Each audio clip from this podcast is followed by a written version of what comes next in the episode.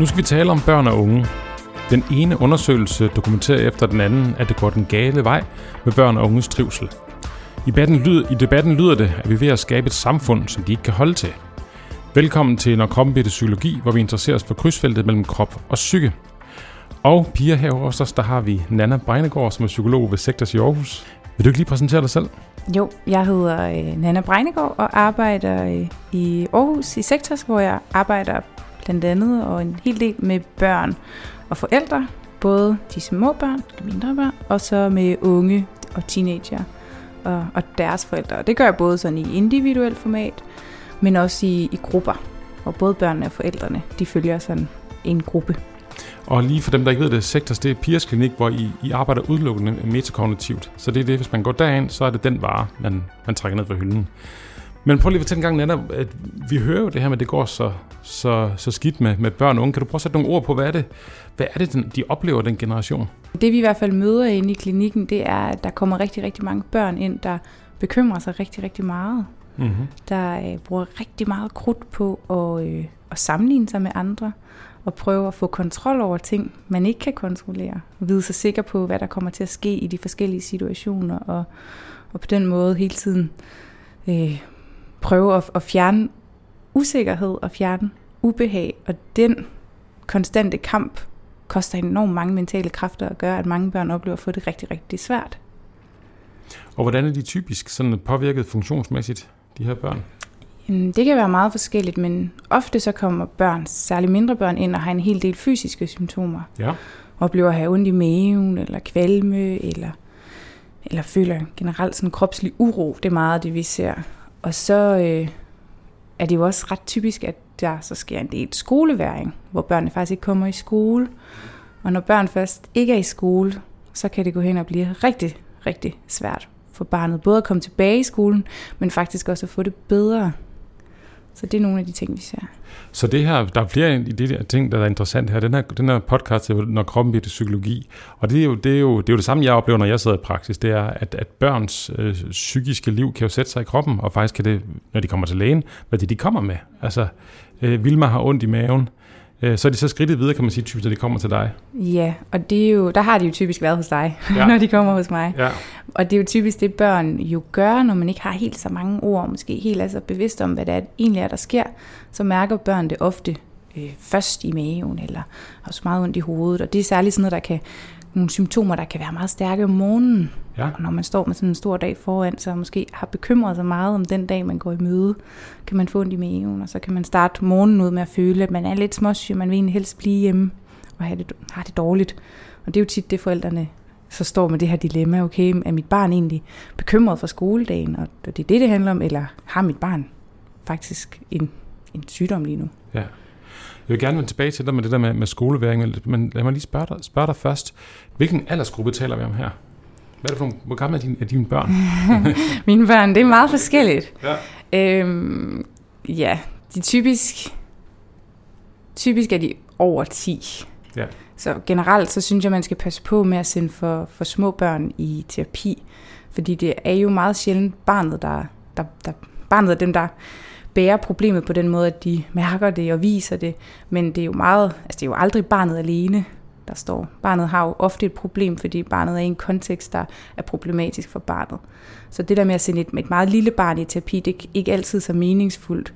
Så jeg vil mene, at sådan, når de er deroppe, hvor de er altså 11, 12, 13, 14, så giver det mere mening at have det her samarbejde, også fordi det er jo sideløbende med forældre. Men når jeg snakker børn, så tænker jeg det som, øh, ja, som under 14, og så derefter tænker jeg mere som unge, og der sker jo også et skifte i deres Og unge, det er sådan 15-18-årige-agtigt? Eller, Ja, det vil jeg mene. Ja, og de Ja, har, i- i min optik ja, i din, ja, ja, ja, det tror jeg er Ja. meget gang.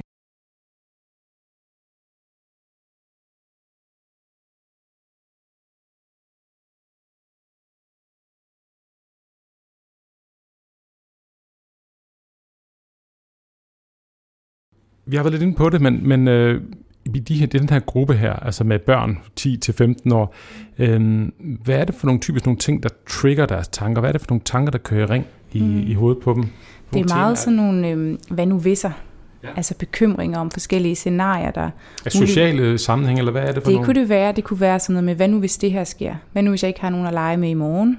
Hvad skal jeg så gøre? Og sådan hele tiden den her søgen på vidsthed. Hvad nu hvis i tifrikvarteret, der er ikke nogen, der vil lege med mig? Ja, hvad skal jeg så ja. gøre, mor? Hvad gør jeg? Og så kan mor jo være rigtig hjælpsom og tænke, men så hjælper jeg lige barnet med at finde nogle løsninger. Ja. Du kan lege med Carla, og hvis Carla ikke kan lege, så kan du gå hen til Josefine.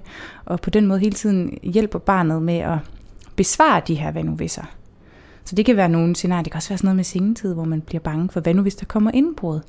Hvad nu hvis mine forældre dør? Altså fuldstændig naturlige trigger-tanker, som der jo ikke er nogen børn, der vokser op uden at få. Men problemet er jo så, når man kommer til at bruge meget energi og tid på de her trigger-tanker. Så hvis man om aftenen bruger meget tid på at snakke om, hvad nu hvis der kommer indbrud i nat, eller hvad nu hvis nogen dør, og mor og far er virkelig hjælpsomme i at prøve at berolige, jamen så kommer vi faktisk til at holde liv i den her frygt og i de her tanker. Og det gør jo så, at barnets angst faktisk mod intentionen faktisk forværres, og barnet bliver mere bange, fordi vi har nu kommet til at give de her tanker mere liv og mere tid. Og vi støtter barnet i at kasse, som vi jo kalder det her, Præcis. I, i, på de her... Ja. Og hvor meget kan, hvor, meget, hvor lang tid, hvor meget tid kan, kan et barn bruge om dagen på, på, på at gruble og bekymre sig og tænke, hvad nu hvis? Ja, men problemet er jo, at det kan børn jo faktisk bruge rigtig lang tid på. Så over i skolen kan man jo gå og bekymre sig rigtig meget, og så kommer man hjem og bekymrer sig. Og det jeg også nogle gange ser hos øh, de børn og de familier, der kommer hos mig, det er, at jamen, mens barnet er i de her sociale situationer eller er i skole, så kan barnet også ofte finde på at sende sms'er hjem til mor eller far, hvor barnet fortæller om, at jeg er nervøs, og hvad skal jeg gøre, og nu sker der det her. Så den her beroligelse, den kan faktisk køre dagen lang. Mm. Og hvis mor og far tænker, jamen den måde, jeg hjælper bedst på, det er ved at berolige og være tilgængelig for mit barn, jamen så kommer den her konstante udveksling til at, at, at holde barnets trigger-tanker eller ubehagelige tanker i live i løbet af hele dagen. Og faktisk også forværre det ubehag, barnet mærker.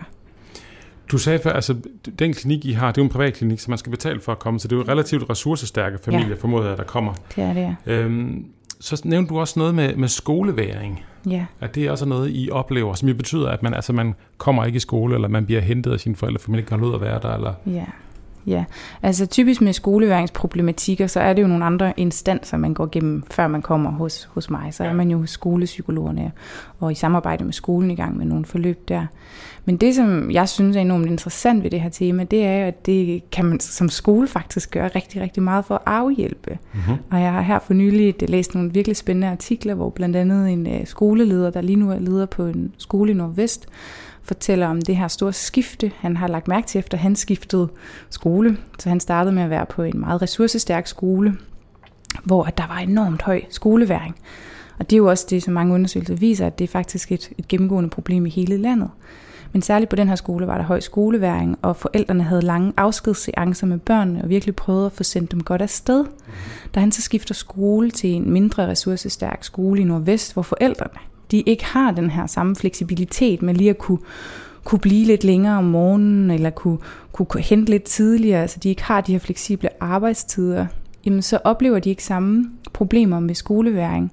Og skolen har indført sådan en politik, hvor forældrene de skal ikke komme ind på gangene og sige farvel, og de her afskedsseancer skal ikke trække ud på den måde, man, man nogle gange ser, hvor forældrene følger helt ind i klassen og kysser farvel helt ind og med ved, ved kateterbordet nærmest, jamen der er politikken, at øh, forældrene siger farvel udenfor, og forældrene instruerer sig og fortælles, at det hjælper faktisk barnet, hvis man gør den her øh, afsked kort. Og det er også det, vi ser rigtig, rigtig meget, at børn har brug for klare linjer. Ja. Børn skal vide, hvad der forventes af dem.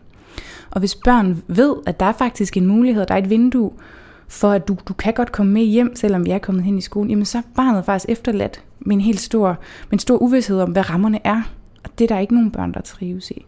Så der skal være en form på en afsked. Det tror jeg alle, også med småbørn, de kender. Altså, man skal ligesom vide hertil, og ikke længere her, nu skal du blive her i skolen. Hvis du kigger på det her fænomen i sådan en metakognitiv optik, mm. øh, hvordan, hvordan kan man så beskrive, hvad, hvad vil du beskrive det? Ja, og det, der synes jeg jo, det giver rigtig god mening, det vi ser. Fordi at de her øh, lange afskedsseancer mellem forældre og børn, jamen det kommer til at trække pinen ud, for nu skal vi adskilles.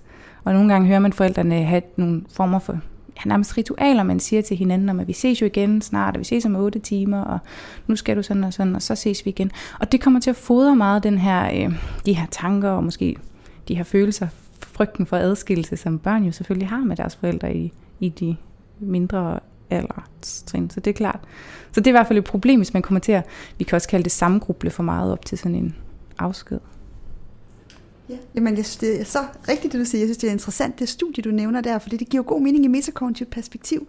Den her langtidsdvælen i den gode, kærlige altså man gør det jo af kærlighed, ikke? og det kommer til at fodre det, man forsøger at løse, så løsningen ender med at vedligeholde problemet, kan man sige. Mm. Adskillelsesangsten, mm. separationsangsten. Kan du komme et eksempel på, øh, på en case fra dit, øh, fra dit arbejdsliv? Et barn, der har været i, øh, i, i behandling? Jo, altså noget af det, jeg synes er, er rigtig spændende ved den måde, vi arbejder på med børn og, og deres familier, det er jo faktisk lige præcis sammenspillet mellem, at barnet lærer en ny måde at håndtere deres tanker og følelser på, men faktisk også, at forældrene lærer en ny måde at håndtere deres tanker og følelser på, men faktisk også, hvordan de hjælper barnet. Så hvad er det for en hjælp, forældrene giver barnet? Det er virkelig, virkelig vigtigt, at man som forældre har det for øje, fordi som forældre, så al ens adfærd, jamen det afspejler jo hele tiden nogle forskellige læringer. Mm. Så det vi gør, viser jo noget om, om hvad vi tror om, om verden og virkeligheden.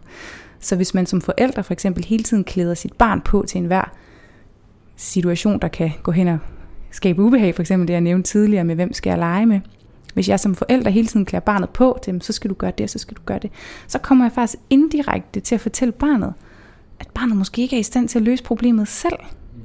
Hvorimod, hvis man omvendt viser barnet, jeg har faktisk tillid til, at du kan godt klare den her situation, også selvom at det kan blive lidt ubehageligt, og du ikke ved, hvad du skal stille op. Så jeg har tillid til, at du løser det i momentet. Så kan man, det kan man udstråle over for barnet ved ikke at hele tiden hjælpe barnet med at lave alle de her planer, men faktisk bare sige, det må du se på, når du kommer der til. Jeg tror på, at du kan klare det. Men hvis jeg skal komme med et eksempel, som jeg selv synes er, er meget interessant i forhold til den her dynamik mellem forældre og børn, jamen så har jeg haft en øh, familie hos mig, som, øh, hvor at øh, barnet oplevede at blive meget, meget vred. Barnet blev rigtig, rigtig, rigtig vred, og blev rasende, skældt ud, og blev voldsomt kastet med ting. Men barnets adfærd var egentlig bare en spejling af den adfærd, barnets mor viste. Så når barnet var hjemme ved moren, så gik bølgerne virkelig højt, og der var masser af skænderi, og moren eskalerede konflikter mellem barnet. Det, det var meget voldsomt for barnet. Og hjemme ved faren, der blev barnet så rigtig, rigtig voldsomt også, og søgte ligesom de her konflikter, og faren vidste ikke, hvad han skulle gøre, og prøvede hele tiden at berolige, og, og, og få barnets nervesystem øh, justeret ned med diverse øvelser og beroligende ord. Men det, det gik i hårde knude, og hele familien var under enormt stort pres. Så vi starter med at komme ind og finde ud af, okay, hvad er problemet, hvad der sker, og det viser sig jo, at, at barnet kommer faktisk til at bruge en hel del krudt på at gå og bekymre sig og, og, og overanalysere forskellige ting. Så barnets mentale sted er, altså barnet er enormt på overarbejde mentalt. Men barnet mangler også at blive vist nogle alternativer til, hvordan man kan gøre i sådan nogle svære situationer. Så i arbejdet med forældrene her, med faren, så, øhm, jamen, så guider jeg ham egentlig i, at han skal nu prøve at gøre noget helt andet, end han plejer. Også uden helt at vide, hvad der kommer til at ske. Og det er jo enormt stressende at stå i sådan en situation, hvor ens barn bare er rasende. Men vi prøver at lave et eksperiment, og han undersøger, okay, hvad sker der, hvis jeg faktisk, i stedet for at gå ind i den her diskussion, den her konflikt, den her urimelighed, hvis jeg virer udenom, så hvis jeg ikke går ind og aktivt deltager i den, men bare siger, jeg, jeg vil ikke snakke mere om det lige nu. Vi skal ikke bruge mere krudt på det nu. Bare hele tiden virer udenom på en venlig, sød måde, men, men ikke går ind i konflikten. Og først så bliver barnet jo rasende, og det hele bliver faktisk uh, lidt værre, og vi er lidt spændte, men vi holder fast i eksperimentet. Og øh, ret kort tid efter, så begynder barnet jo at se, okay, men jeg kan faktisk godt slippe sådan en følelse af uretfærdighed og en følelse af, af raseri. Jeg behøver ikke at blive ved med at være i den og kæmpe med den. Og den her erfaring, barnet får hos, hos faren, det er spændende altså, at den erfaring går barnet faktisk hen og spejler i de her meget konfliktfyldte situationer hos moren. Så når barnet er over hos moren, så i stedet for at gå i totten på moren, når hun får de her raserianfald, så begynder barnet faktisk i stedet for at trække sig og, på den måde eskalerer konflikterne ikke i samme grad, som de gjorde før. Så det er jo virkelig et spændende eksempel på at se den her altså kraft forældrene har, at deres adfærd er jo i virkeligheden, børn gør jo bare, hvad deres forældre gør. De gør jo, hvad de ser. Det er jo, det er jo den skændbarlige sandhed. Ja. Spændende eksempel. Og bare i sådan et eksempel her, er det, er det, så, er det så en, det lyder meget familieterapeutisk eller familiedynamisk, I kigger på det, så, så rent konkret, er barnet så inde med sine forældre, og, for, og de deltager begge to i sessionen, eller hvordan fungerer det? Ja, men vi gør det lidt på forskellige måder, men forældrene involverer sig altid. Ja. Så typisk så har vi det delt op i sådan tre forskellige formater. Et format, hvor det bare er barnet og, og mig, hvor man griber det lidt mere lejende an, justeret efter alder. Og så et format, hvor vi er der alle sammen. Så, øh, så forældrene og børnene, ligesom vi, vi er fælles om at snakke om det her. Men så kører jeg også nogle forældresamtaler, kun med forældrene, hvor vi kigger på deres forældrestrategier. Ja. Så vi identificerer, okay, hvad er det, I gør i de her svære situationer? Jamen, jeg beroliger barnet, eller jeg prøver hele tiden at forberede barnet på svære situationer. Okay, så opdager vi de her forældrestrategier. Og så laver vi nogle eksperimenter og siger, hvad sker der faktisk, hvis du gør lidt mindre? Og ofte så er det jo en enorm lettelse for forældrene, fordi mange forældre i dag er jo på enormt overarbejde. Altså, det er jo virkelig hårdt at være forældre ja, i det, dag. Det, det var jeg give dig ret i. Ja. så de ja. oplever en stor lettelse, og at de ikke behøver at gøre så meget. Og så oplever de jo faktisk også, at deres børn får det bedre. Ja. Så særligt når vi har med de helt små børn at gøre, fordi vi laver også terapi for børn, der er yngre end fem, ja. men så er det, der er vi virkelig, øh, der er forældrene involveret i endnu højere grad. Ja, nu står jeg over for to psykologer, der begge to er eksperter i metakognitiv terapi. Altså, hvad, altså, hvor meget, altså jeg tænker jo over miljø i det her. Altså hvis man opvokser i en familie, hvor, hvor man er vant til, hvor mor og far bekymrer sig meget, måske bare en af, af forældrebillederne, øh, giver man det videre til sine børn, nærmest sådan en til en, eller hvad, har I, har I nogle, øh, nogle holdninger om det? Øh, ja, det, det, er, det er der noget, der tyder på. Det er der noget, altså at, at ens egne, øh, vi kalder det metakognitive overbevisninger, går i arv. Så hvis man ikke selv tror, man kan styre sine bekymringer, og man bruger meget tid på dem, måske endda tror, at bestemte tanker er farlige, jamen så vil man jo give det videre, de overbevisninger videre til sine børn, som også tror, at de ikke kan styre deres øh, tanker. Og specielt med sådan noget rammeoptimering, så siger man jo det indirekte til barnet. Altså hvis man siger, du kan ikke tåle at være for meget på so me, fordi det trigger dig for meget. Du kan ikke tåle at få karakterer, fordi det trigger din præstationsangst for meget. Du kan ikke tåle at være for ambitiøs. Det er sådan det nye, fordi så bliver du alt for trigget, hvis du har for høje ambitioner for dig selv. Ja. Øh, der siger man jo indirekte, du kan ikke styre de øh, negative tanker, altså du kan ikke styre, hvad du gør med de negative tanker, der opstår, hvis du øh, får, ikke får nogle likes på dine øh, opslag, eller hvis du får en dårlig karakter. Øh, så kan du ikke styre, øh, hvad du gør med de der tanker, fordi mor kan ikke styre det, så du kan sikkert heller ikke styre det.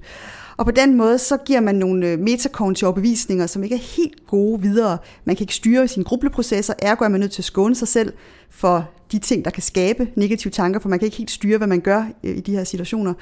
Og ja, tanker er farlige jo, fordi man ikke kan styre, hvad man gør, så man skal undgå at blive for trigget. Og det skaber sådan et skåne miljø, øh, som jo ikke rigtig virker på den lange bane. Man kan godt trække sine børn ud af skolen osv., men der kommer en dag, hvor de skal på en arbejdsplads, og der bliver man jo også trigget af kollegaer og chefer og så videre. Ikke?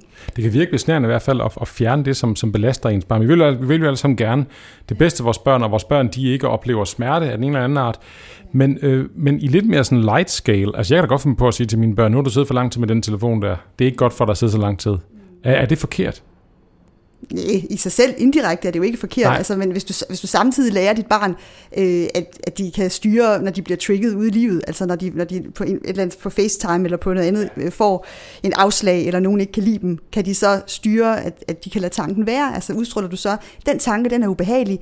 Jeg skrev jo min bog Mod på livet øh, for, for forældre, der har, der er teenager, der ligesom er, er sådan fem gode råd til, hvordan man kan håndtere sådan, altså lære videre til sine Ja, børn. ja. Og en ting er jo normalisering af de negative tanker og følelser. Det er jo rigtig vigtigt at spejle, det er normalt at tænke sådan, en hver negativ tanke er helt normal, i stedet for at prøve at korrigere den hele tiden. Ej, du skal ikke tænke så dårligt om dig selv, du skal ikke føle, at du ikke er god nok, du er god nok, og bla, bla. altså man prøver at korrigere de der negative tanker, som, hvor man indirekte siger, de negative tanker er unormale, de skal laves om, du skal tænke mere positivt. Så første skridt er at normalisere en hver overbevisning, tanke. Alle kender ikke at føle sig god nok. Det er helt normalt. Lille Søren, sådan er det. Det er helt normalt. Sådan er det, at være mennesker, Det er ikke første gang Ja. og sidste gang, du føler dig ikke god nok. Mor Nej. prøvede det mange gange. Ja, præcis. Ja, ja. Velkommen til verden.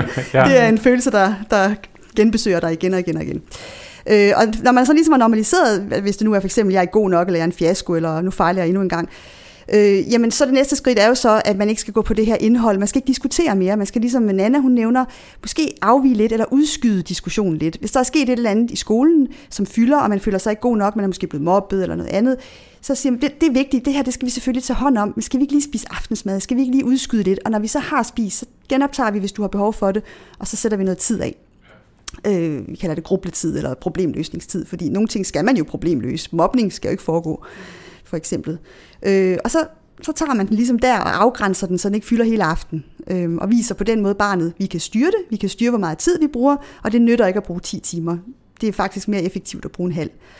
Så der giver man nogle gode metakognitive bevisninger videre til sit barn og siger, du kan håndtere negative tanker, din, dit, dit sind og din krop er bygget til udfordringer og negative tanker, og vi behøver ikke hele tiden at køre rundt i det. De kan godt få lov at være der. Men sådan helt lavpraktisk, hvad hedder det, hvis nu man har, øh, de af os, der har børn, hvis man har et barn, der kommer hjem med røg ud af ørerne, fordi vedkommende er så vred over et eller andet ting, der er sket i skolen, altså virkelig vrede, så vil man jo skynde sig at tænke, hvis ikke jeg for det, for det her tryk lettet, så er jeg en dårlig forælder, eller hvad ved jeg. Hvad vil den, den, den arketypiske metakognitive tilgang være til sådan et barn, som kommer hjem tydeligvis opflammet af vrede, eller andet, der er sket?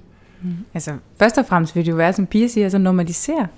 Ej, det er helt okay at være vred, det er bare en følelse. Ja. Følelsen i sig selv er ikke farlig, eller som sådan et udtryk for noget, der er, er vigtig af grund. Altså, lad, lad barnet vide og, og vise barnet, at den følelse, enhver følelse er midlertidig.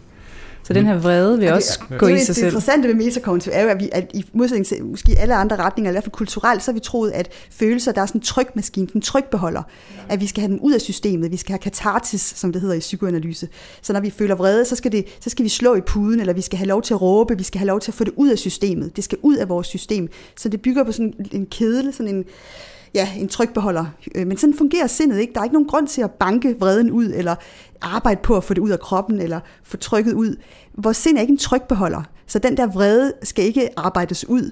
Den skal have lov til at få fred til at selvregulere. Og det er jo en ny måde at forstå sindet på, hvor vi er vant til, vreden skal arbejdes ud af kroppen, så skal vi i stedet lære, at vreden skal bare have lov at selvregulere. Og så fordamper det af sig selv. Lige præcis. Så der er ikke noget med at arbejde noget ud af kroppen. Nej. Og det bygger jo lidt på en anden forståelse af sindet, end den gængse, hvor vi får at vide, at vi skal hjælpe vores barn til at komme af med vreden. Ikke?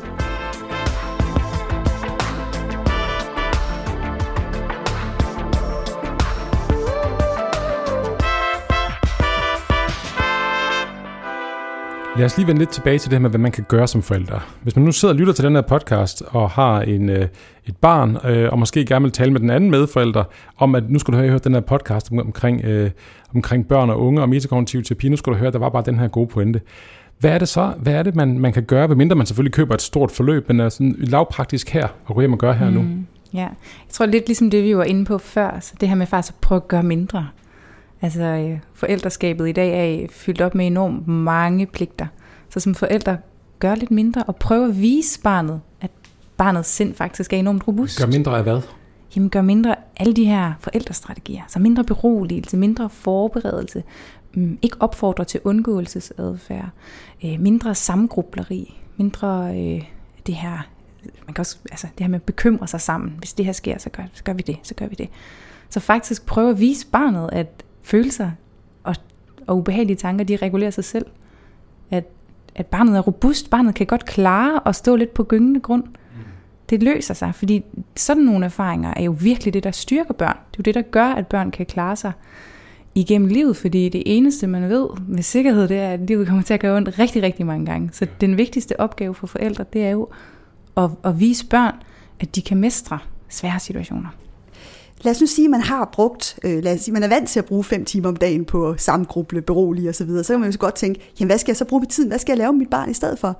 Nu har jeg været vant til at bruge fem timer om dagen på at berolige og skændes og diskutere osv. Og, og der kunne man jo prøve at implementere nogle nye aktiviteter. Noget ja. fælles tredje måske. Se en, følge med en serie sammen, spille ludo, øh, lave en aktivitet, spille computer sammen, eller gå til fodbold sammen, noget andet. Så man får skabt sådan et, øh, et tredje fokus, i stedet for at man hele tiden kun diskuterer tanker og følelser. Fordi man kan måske sidde og tænke, jamen hvad skal jeg så bruge tiden på, hvis ikke vi skal snakke om, hvordan mit barn har det. Mm.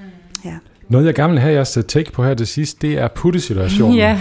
Altså, jeg har tre børn, og det har, alt, det, har, det har altid været svært for mig at få dem til at sove, og dilemmaet har hele tiden været, skal jeg gå hen og holde dem og kramme dem, indtil de falder i søvn, eller er det bare hardcore, vi skal, de må græde, indtil de falder i søvn. Jeg prøvet begge dele, og jeg vil sige, jeg synes ikke, det var noget, der var specielt nemt. Der er en meget kontroversiel bog, der hedder noget med godnat og sov godt, hvor man, hvor man lader barnet blive og lader det skrige og sådan. Altså, der er nogle ting.